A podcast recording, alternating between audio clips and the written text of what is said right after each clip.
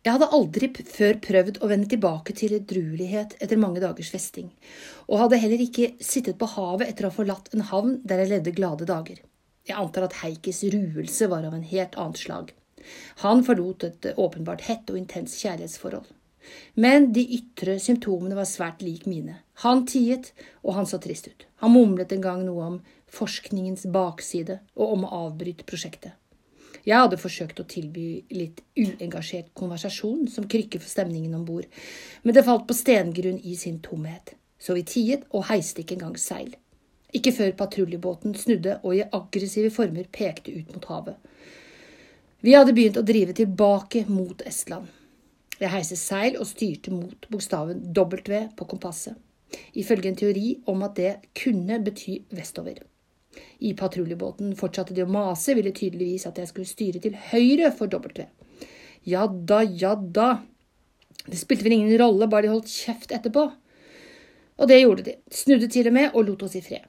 Jeg gikk ned for å hente en flaske til trøst, men Heikki, som grublet dystert i kahytten, stoppet meg helt uventet. Slutt med det der, Harald, sa han med trøtt stemme. Festen er over nå.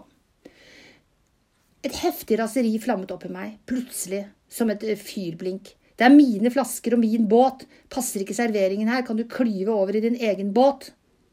Han kikket ettertenksomt og fortsatt trøtt på meg. Sant nok, dine flasker og din båt, men du er min kamerat, og min kamerat får du ikke forderve. Ja vel, ja, men inntil videre har du ikke sett ut til å ha store betenkeligheter med å være med å forderve både meg og spritlagrene mine. Men i dag slumper det til å ikke passe din gane, og da skal det moraliseres. Den heftige raserilen flammet opp som av et vindpust. Kamerat, ja, når det passer deg, når du trenger penger og brennevin og en mer sjødyktig båt enn du selv er kar om å skaffe eller håndtere, da er man faen meg kamerat. Men når du ikke orker å holde kalas på mine forsyninger lenger, da skal det spares til den lille finnen har fått igjen kreftene sine og selv kan være med på å dele. Jævla fin kamerat. Nå kviknet Heikki til lite grann. Prat skitt, gammelen. Men det er tilfeller der brennevin går gjør godt, og tilfeller der det gjør skade. I dag gjør det skade. Gammelt jungelordspråk. Fantomet har talt. Men du behøver ikke bli hoven og patetisk for at jeg tar meg en dram. Det blir nok igjen til deg også, siden kan, siden kan vi kjøpe mer. Jeg har jo penger. Kjøp hvis du vil, og by hvis du har lyst. Men det du har budt på før, har jeg ikke tenkt å begynne og spy opp igjen. Og dersom du byr igjen, så får jeg nok takke nei, i fall du forventer å, å få kjekle på denne måten etterpå. Det blir eh, fort dyrt brennevin for meg. Det blir for, for dyrt brennevin for meg. Hør nå bare. Bomsen begynner å stille krav, så det holder ikke lenger å tilby. Man må i tillegg være pen i språkbruken for ikke å støte en følsom sjel. Det hadde forvirret meg at Heikki overhodet ikke så ut til å bli sint. Han hadde beholdt et nøytralt tonefall, selv om jeg hadde lyktes i å være temmelig giftig. Men nå senket han stemmen og tok et skritt mot meg. Jeg sier deg bare at brennevinet er en festdrikk, og i dag er det ingen feststemning. Jeg vil heller ikke kives i dag, jeg orker bare ikke. Nå ja, jeg fortsatte å skjelle ham ut etter beste evne, og da steg han plutselig fram og vred rundt nesen på meg. Det gjorde utålelig vondt. Han hadde en spesiell måte å koble nesegrepet sitt mellom eh, tommel, nesegrepet sitt mellom tommel, tommelfingerleddet og selve knoken, holdt fast inne ved neserotet og vred om kort og kraftig. Øynene fyltes av tårer så jeg ble blindet, og for en stund rant også kreftene ut av meg. Hele situasjonen fremsto plutselig komisk, og da syn og krefter hadde vendt tilbake, hadde fighterånden fordampet. Så, så satt vi der igjen og glodde. Cirka et døgn, vil jeg tro. Og jeg styrte omtrentlig vestover. Jeg forsøkte å, å, tenke på alt jeg hadde forlatt på Åland, og kjenne savn etter en, eller en dragning dit. En lengsel etter Inger, eller i det minste til å rydde opp i det som hadde vært mellom oss. Men det lyktes ikke. Det forekom meg like trist og likegyldig som den fuktige uorden om bord. Hva Heikki tenkte på, eh, vet jeg ikke, men uttrykket hans smeltet perfekt inn i leden om bord som en kaie en slapsete marsmorgen. Vi slumret inn nå og da, og, og da jeg våknet ved daggry, hadde Heikki allerede begynt å stue alt godset vi hadde om bord. Ivans menn hadde levert det, prydelig stablet på dørken, men slik at det knapt var plass for aktiviteter om bord. Som å manøvrere båten eller lage mat. og i friskere vind hadde det sannsynligvis blitt det totale kaos. Nå gikk Heikki systematisk til verks. Stablet plankene under køyene, tildelte oss hver vår køye og brukte de andre til å oppbevare resten av pargasset vi sleptet på. Han fant skuffer og skap, proviant og båtutstyr. Det tok tid, men det ble bra, og jeg var dypt imponert. Det så i hvert fall i mine øyne sjømannsmessig ut til å være gjort av en landkrabbe. Nå brøt også Heikki tausheten og spurte meg ut om Kristinas bevegelser i hardt vær, og, og, jeg prøvde å forklare de overhalingene jeg hadde opplevd hittil. Dæven døtte, sa han, og så gikk han i gang på nytt. Blant annet bygde han lave rekkverk av tauverk og ribber i de køyene som var beslaglagt som stuerom. Vår nyinnkjøpte geografibok fra Tallinn sendte han over til meg, og inspirert av de stadig mer sjømannspregede omgivelsene viet jeg faktisk en liten tanke til bestemmelsessteder og kurser. Jeg vurderte hastigheten vår til noe under gangfart, kanskje ca. 5 km i timen, og rundt det hadde den ligget det siste døgnet. Eller den siste tiden, eller den tiden som hadde gått siden vi heiste seil. La oss si 27 timer med 5 km i timen. 135 km. Minus en hel del vingling. Vi sier 120 km noenlunde rett vestover. At det kunne bli slik jækla avstander bare av å sitte her og med hjelp av bare litt vind. Uten å frembringe verken lyd, lukt eller anstrengelser. 120 km vest for Tallinn. Jeg lette fram en penn og en linjal som jeg tidligere hadde observert i en skuff, og begynte å gjøre beregninger ved hjelp av skalaen som var angitt i Østersjøoppslaget i kartboken.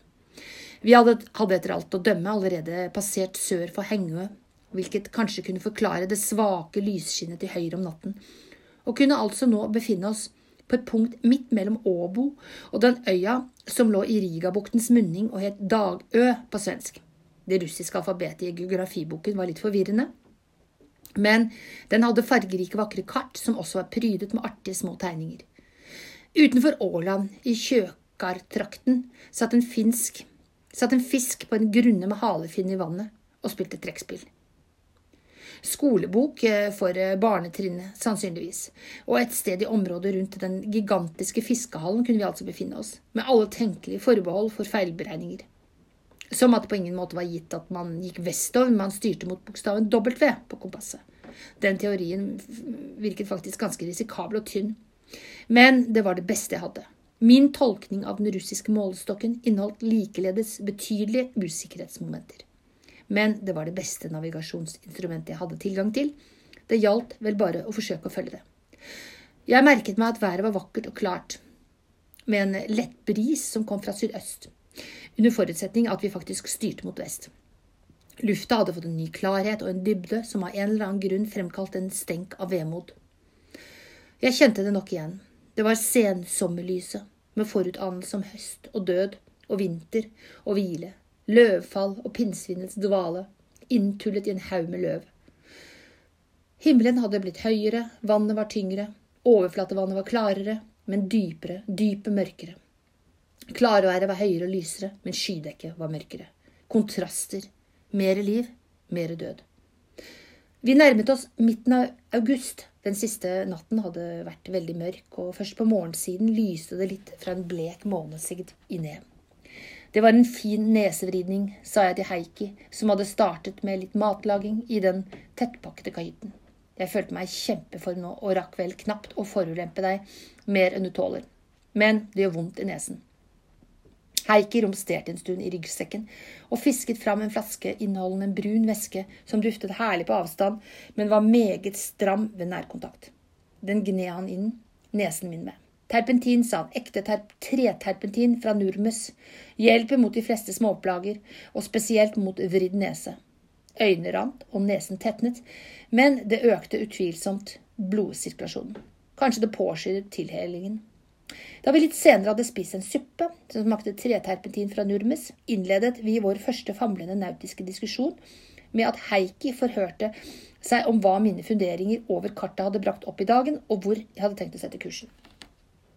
Han hevdet at det var overveiende sannsynlig at W på kompasset pekte mot vest, og fant ikke i mitt resonnement bak posisjonsbestemmelsen helt åndsforlatt. Vi kunne altså meget vel befinne oss mellom Dagø og Åbo. Men hvor skulle vi hen? Åland fristet ikke. Bare med forundring kunne jeg konstatere det. Jeg hadde ingen grunner eller forklaring, og det behøvdes vel heller ikke. For øvrig hadde jeg en tante i Oscarshamn og et par kollegaer i Gjevle som jeg kjente ganske godt. godt.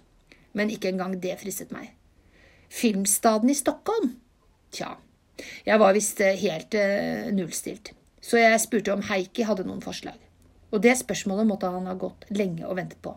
Det var som å åpne en kran, og så fløt veltalenheten ut av ham som fra en kilde om våren. Ja, du kjenner jo til arbeidsfeltet mitt i store trekk. Det er nærmest uendelig, og jeg har jobb på de fleste steder der havet møter land, og der det finnes kvinner. Så egentlig går arbeidet mitt utmerket fremover, enten vi styrer mot nord, syd, øst eller vest. Jeg har allerede hatt stor nytte av samarbeidet med deg og denne prektige båten, og hvor vi enn styrer, så er det en forbedring sammenlignet med mine opprinnelige planer, som ble diktert av min farkosts ringestørrelse.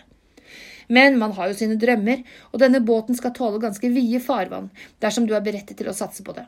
Jeg er ingen sjømann, men eh, jeg pleier å lykkes med de praktiske oppgaver, og skal nok med tiden kunne gjøre nytte om bord. Og noen elementære navigasjonskunnskaper eh, skal vi vel klare å skaffe oss underveis.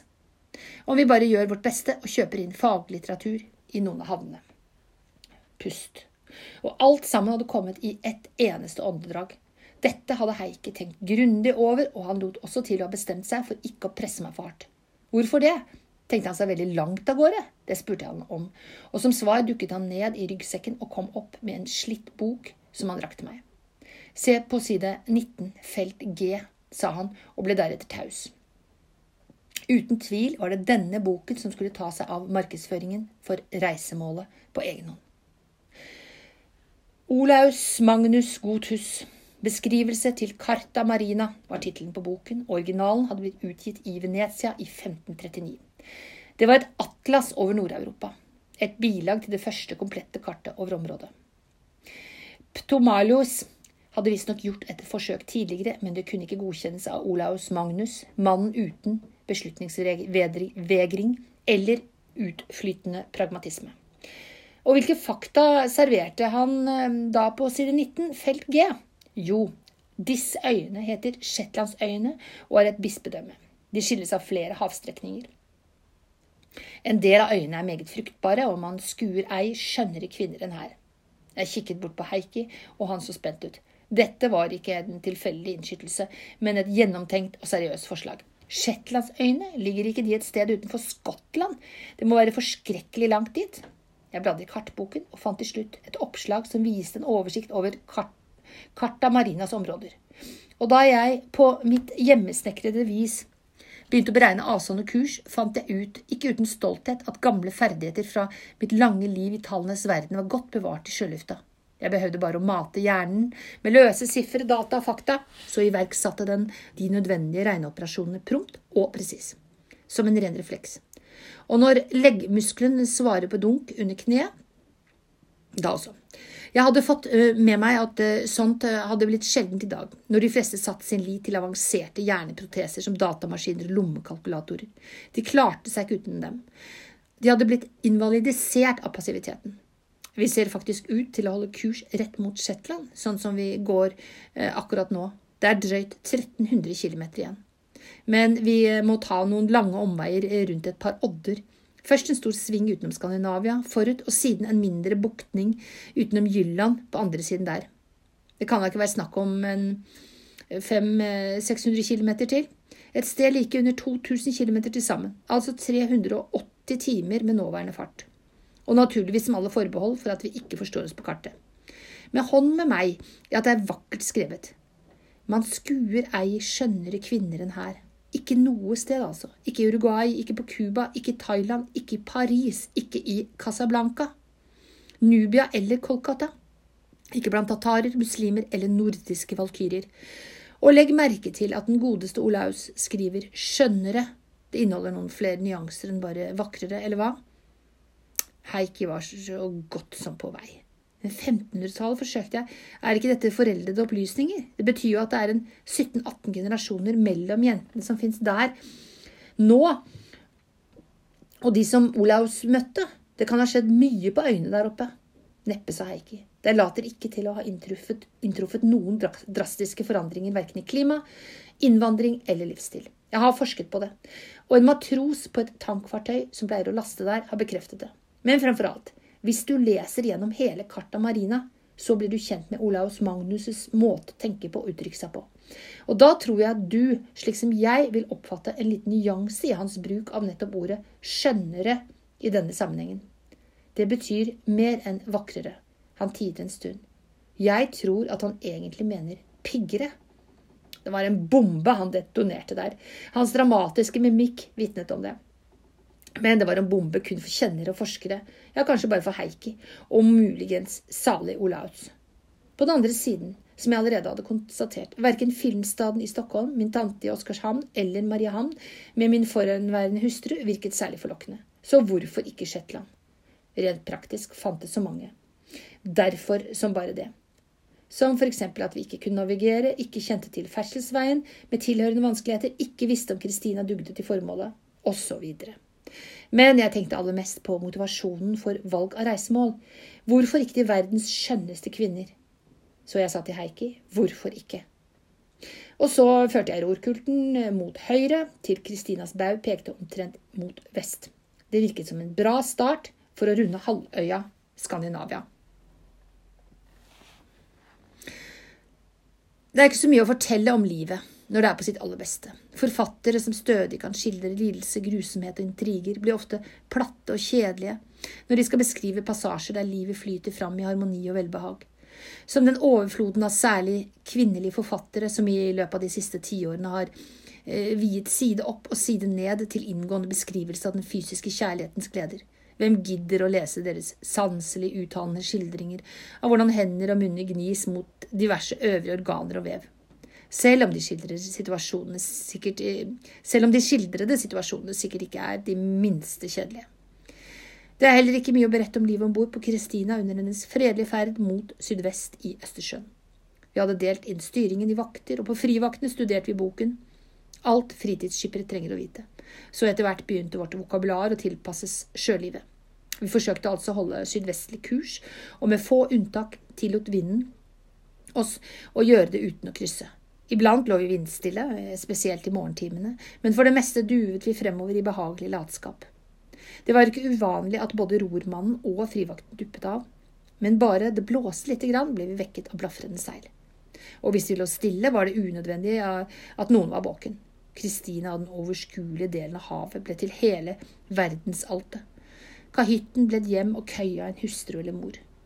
Der kunne man glemme alle sorger i soveposens varme favn. Og fartøyer som dukket opp over horisonten, ble besøkende fra en fremmed verden. I vindstille kunne Heikki hale opp torsk som smakte himmelsk frest i smør. Han fanget den med en pilk som fantes blant fiskeutstyret om bord, og den fisken vi ikke tilberedte omgående, hengte han til tørk i vantene. Om en uke skulle den være klar for å spises uten ytterligere tilberedning, sa han. I hvert fall var det slik når han tørket lagesild oppe ved Pjelle Svervi. Skogen og innsjøens sønn Heike ble stadig mer fåmælt jo lenger vi oppholdt oss ute til havs.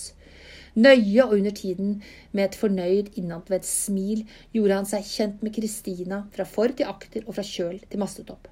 Mastetoppen nådde han ved hjelp av en såkalt båtsmannsstol som han tilvirket etter en beskrivelse i håndboken vår.